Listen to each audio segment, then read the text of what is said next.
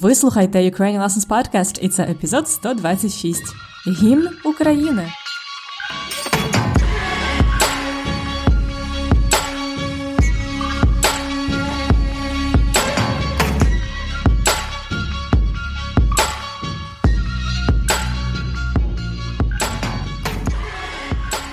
Привіт-привіт! Ви слухаєте подкаст Уроки української. І це Анна, ваша вчителька української.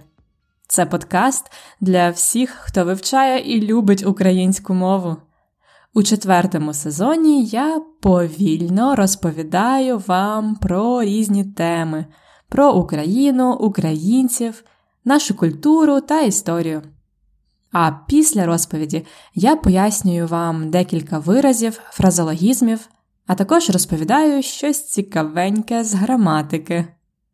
Як у вас справи? У Європі вже вересень, а отже, прийшла моя улюблена пора року осінь, ура! В Україні ми вважаємо, що осінь починається з початку вересня. Саме тоді погода в Україні стає холодніша, починаються дощі, хоча це ще залежить від глобального потепління. Побачимо, як буде цього року. Добре, отже, минулого разу на подкасті я розпочала серію уроків епізодів про національні символи України або державні символи України. Минулого разу я розповідала вам про прапор, наш синьо-жовтий стяг.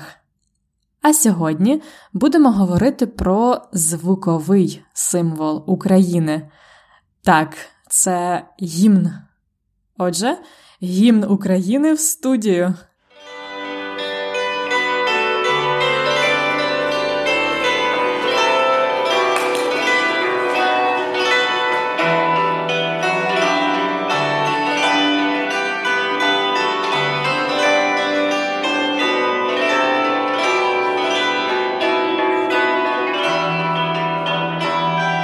Ви можете чути гімн України, виконаний на бандурі. Бандура це один з українських національних інструментів, знаєте? Можливо, одного разу я вам розповім більше про українські традиційні інструменти на подкасті. Вам було б цікаво? Так от, цей гімн України на бандурі виконує Ярослав Джусь. Це молодий український бандурист. Ви знаєте, мені не раз писали слухачі подкасту про те, як вони люблять український гімн. Мені завжди дуже приємно це чути, але, чесно кажучи, трохи дивно, бо я якось ніколи не думала, що можна любити чужий гімн, гімн чужої держави. Але мені приємно, що наш гімн подобається іноземцям. Отже, гімн України називається Ще не вмерла України. Слова до неї написав Павло Чубинський, а музику створив Микола Вербицький. Зараз я розповім вам трішки більше про цих двох людей і про історію створення нашого гімну. Всередині 19 століття багато народів е, у східній Європі відчули дух свободи і почали створювати свої гімни, тобто національні пісні. Це були також країни близькі до нас, такі як Польща і Сербія. Тоді в Києві існувала така організація проукраїнська, можна сказати, вона називалась Стара Громада. Одного разу у 1862 році ця громада організувала таке зібрання, можна сказати, вечірку. На цій вечірці члени організації почали обговорювати, що от у поляків є гімн, і також серби, сербські студенти, які тоді вчилися в Києві, співають свою патріотичну пісню, свої, свій, можна сказати, гімн. А от в українців такої пісні немає, тому нам потрібно створити таку пісню гімн. І фактично під натхненням поляків і сербів члени організації Стара Громада вирішили створити свій гімн. Разом вони посиділи на вечірці, так, подумали і створили текст. Він починався зі слів ще не вмерла України. Це тоді був трошки інший текст, ніж той, що ми маємо в офіційній версії зараз. Але ось цю частину, яка є в сучасному гімні, написав саме Павло Чубинський. Ким був Павло Чубинський? Він був етнологом і фольклористом. Тобто він збирав український фольклор це народні пісні, легенди, прислів'я і так далі. Крім того, як ви можете собі уявити, Чубинський був українофілом, тобто він був проукраїнським. Тоді в Російській імперії було зовсім непросто збирати український фольклор, писати, говорити українською мовою, українська мова була заборонена. Тому за те, що він написав цей вірш ще не вмерла України, який був дуже патріотично налаштований, його заслали. Тобто його відправили далеко в Росію, в Архангельську область. Там він прожив сім років. Отже, Павло Чубинський це автор слів гімну. Але музику до цих слів створили не відразу. Річ у тім, що спочатку в Києві використовували іншу мелодію, не таку, як ми зараз знаємо з вами. А саме ця музика сучасна була створена на Галичині Михайлом Вербицьким. Михайло Вербицький був священником і композитором. Приблизно у 1864 році він прочитав вірш Чубинського і написав до нього музику. І вже в березні 1865 року пісню Чубинського і Вербицького вперше виконали на концерті. Цей концерт відбувався у місті Перемишель. Зараз це польське місто Пшемишель, недалеко від України. До речі, можна сказати, що це досить таки символічно, що авторами гімну стали представники різних частин України: це наддніпрянець і галичанин. Тобто Чубинський це наддніпрянець, він з Київщини, з центральної України, а Вербицький галичанин, тобто він з Галичини, з Західної України. Виходить, е, що гімн об'єднує нас, об'єднує українців з різних регіонів. Можна сказати, що гімн для українців це спільна спадщина. У 19 столітті ще не вмерла України була лише однією з патріотичних пісень про Україну, а справжнім гімном, тобто основною національною піснею, вона стала вже у 1918 році, у часи Української Народної Республіки. Пам'ятаєте, ми часто говорили про Українську Народну Республіку в попередніх двох епізодах. Так от тоді ще не вмерла Україна, співали на урочистих подіях, наприклад, на відкритті організацій, університетів і так далі. До речі, з тих часів ми маємо перший запис гімну України на платівці. Ось послухайте.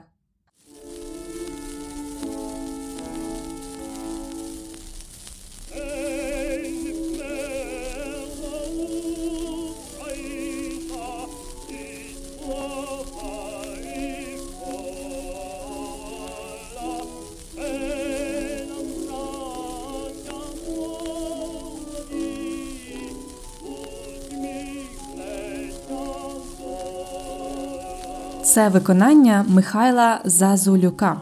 Це 1916 рік. Запис зроблено в Америці на Columbia Records. Цікаво послухати такі старі платівки, правда? Вони ніби переносять тебе в минуле.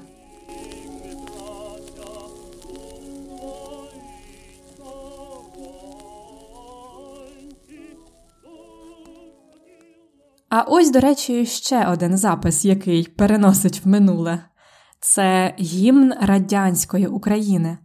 Очевидно, він був зовсім інший. Це був соціалістично-комуністичний гімн. Ось послухайте.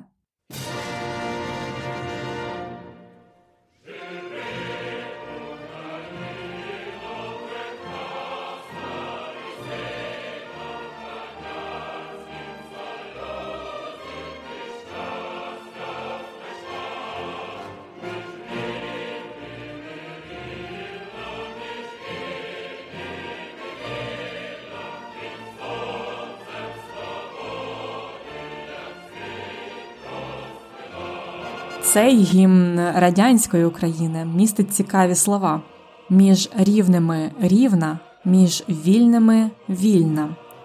Тобто Україна рівна, має такі самі права, як і інші республіки, і Україна вільна, тобто має повну свободу, волю, як і інші республіки Союзу, між рівними рівна, між вільними вільна.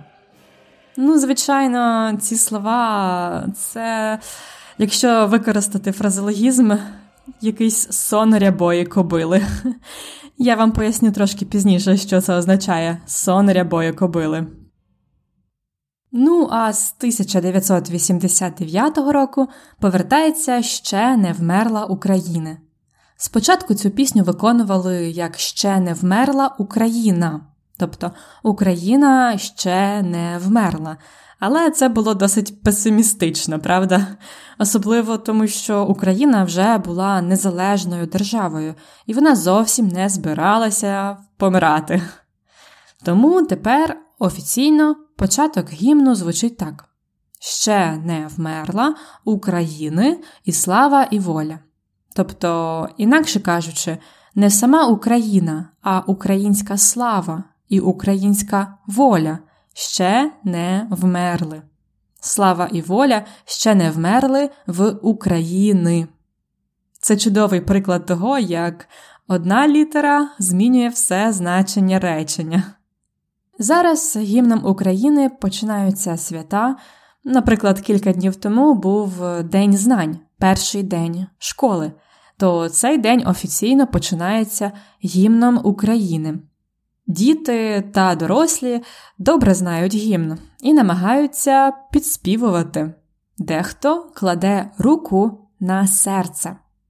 І під час виконання гімну, звичайно, обов'язково потрібно стояти.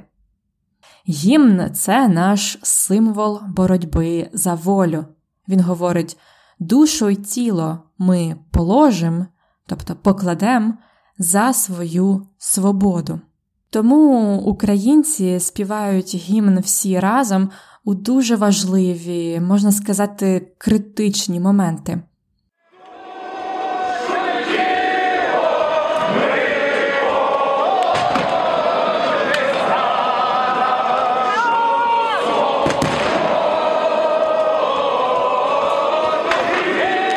Це революція на Майдані у 2014 році.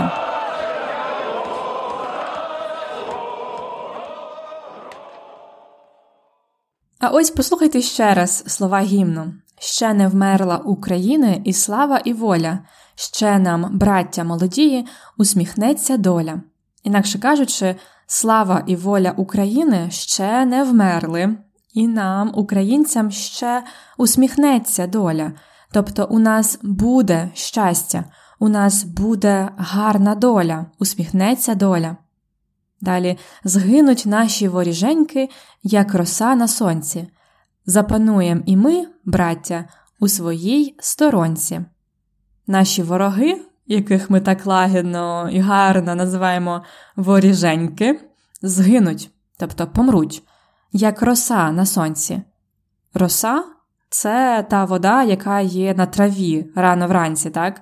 Е, вода на траві зранку, коли сходить сонце то роса швидко зникає.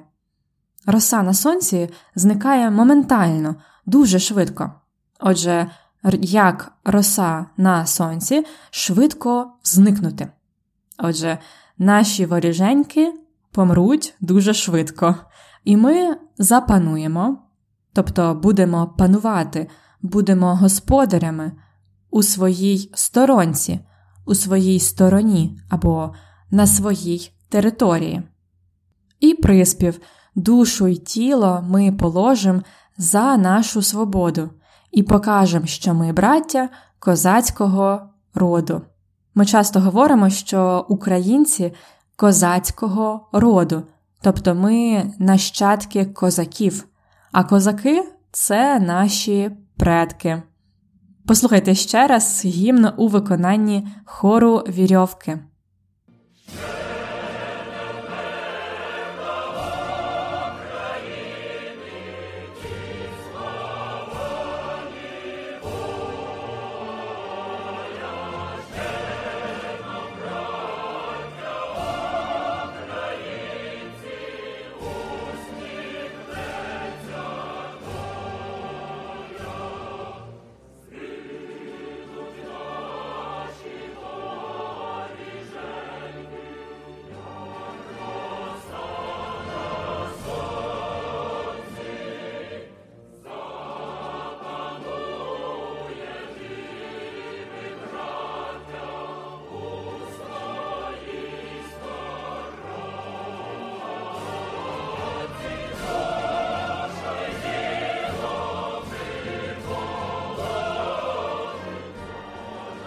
Отже, гімн України говорить про основну цінність українців волю, свободу. І також гімн пов'язує нас з козаками, з нашими предками, з нашою історією. Якщо ви хочете дізнатися ще більше про гімн України, я пропоную вам переглянути відео на Ютубі. Там досить детально і цікаво розказано про історію гімну України. Посилання на відео я залишу для вас за посиланням ukrainianlessons.com риска епізод 126.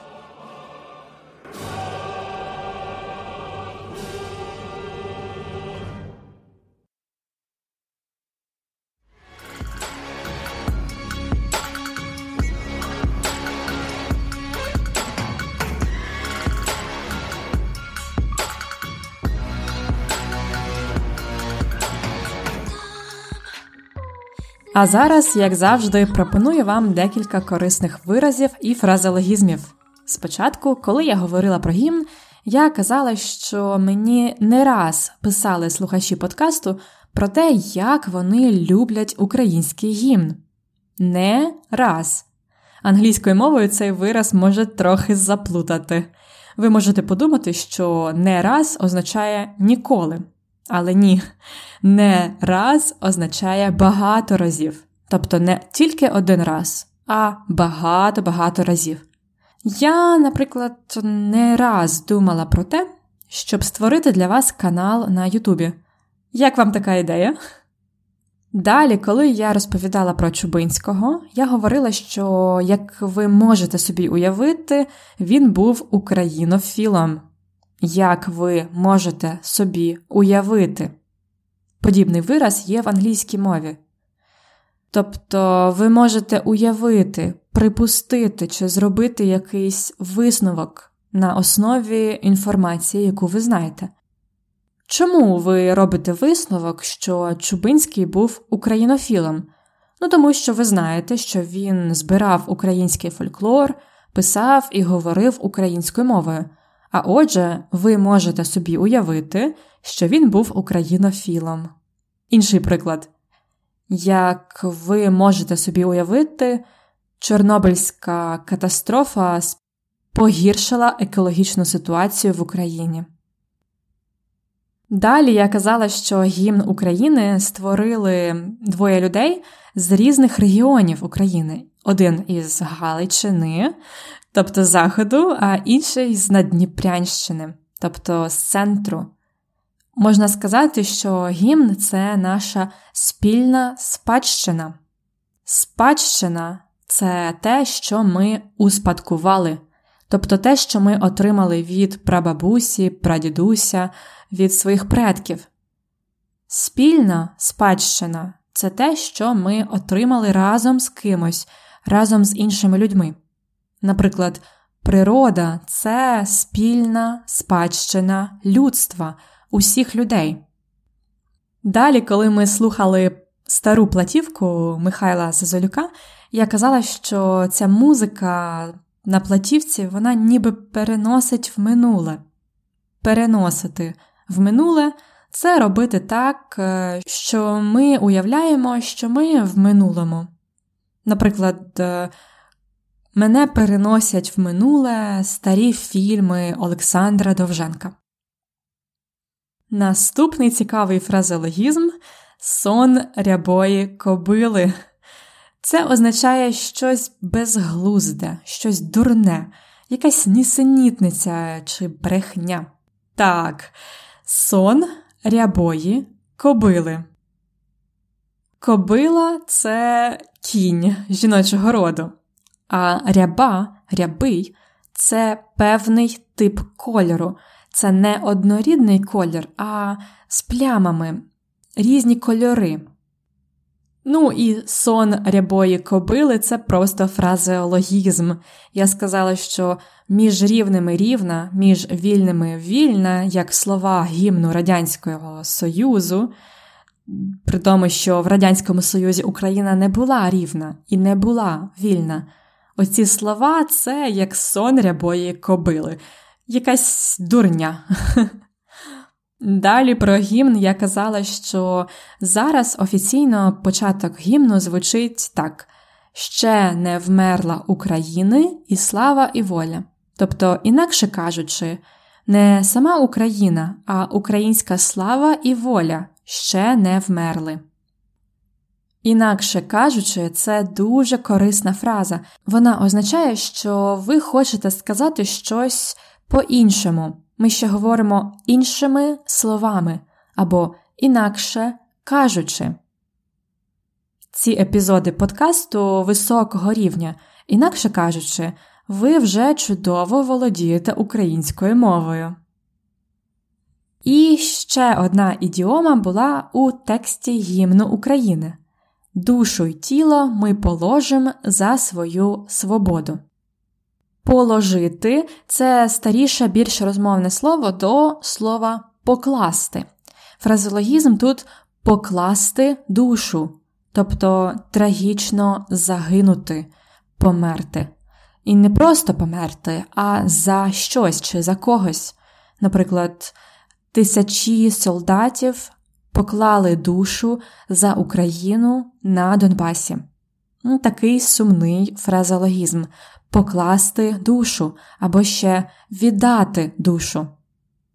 Як ви могли помітити, в українській мові є досить багато фразеологізмів зі словом душа покласти душу, віддати душу, гріти душу, вкладати душу.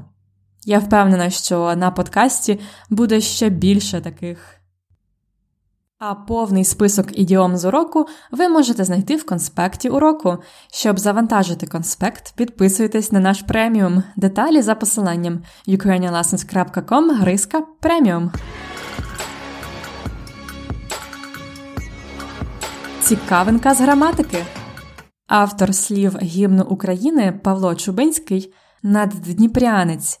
Він з Київщини. А автор музики Михайло Вербицький Галичанин. Він з Галичини. Київщина, Галичина це все назви регіонів України, які ми утворюємо за допомогою суфікса ин. Ми утворюємо ці іменники від прикметників, наприклад, Київський, Київщина. Відбулось чергування, тобто зміна. Ск змінюється на щ. Київський, Київщина, ск щ. Так само буде від Одеський. Який іменник від слова Одеський? Буде Одещина ск на щ. А, наприклад, від Херсон. Херсон, Херсонський, Херсонщина. Але якщо ми маємо суфікс цьк, то він змінюється на ч-ч, два ч. Наприклад, Хмельницький, Хмельниччина. Цьк змінюється на ч-ч. Хоча саме Галичина має лише одну ч, це виняток. Галицький Галичина. Пишемо одну літеру ч. А зараз спробуйте утворити Донецьк, Донецьк. Прикметник Донецький, а іменник про регіон Донеччина. А як щодо Вашингтон? Угу. Вашингтон прикметник. Вашингтонський, а іменник як регіон. Вашингтонщина. Так, так, українці в діаспорі за кордоном вживають такі слова навіть на позначення неукраїнських регіонів. Вашингтонщина, Брюссельщина і так далі. Ну, але, чесно кажучи, зазвичай ми використовуємо їх саме для українських регіонів. Повну табличку українських регіонів із е, змінами суфіксів, а також вправи для практики ви можете знайти в конспекті уроку.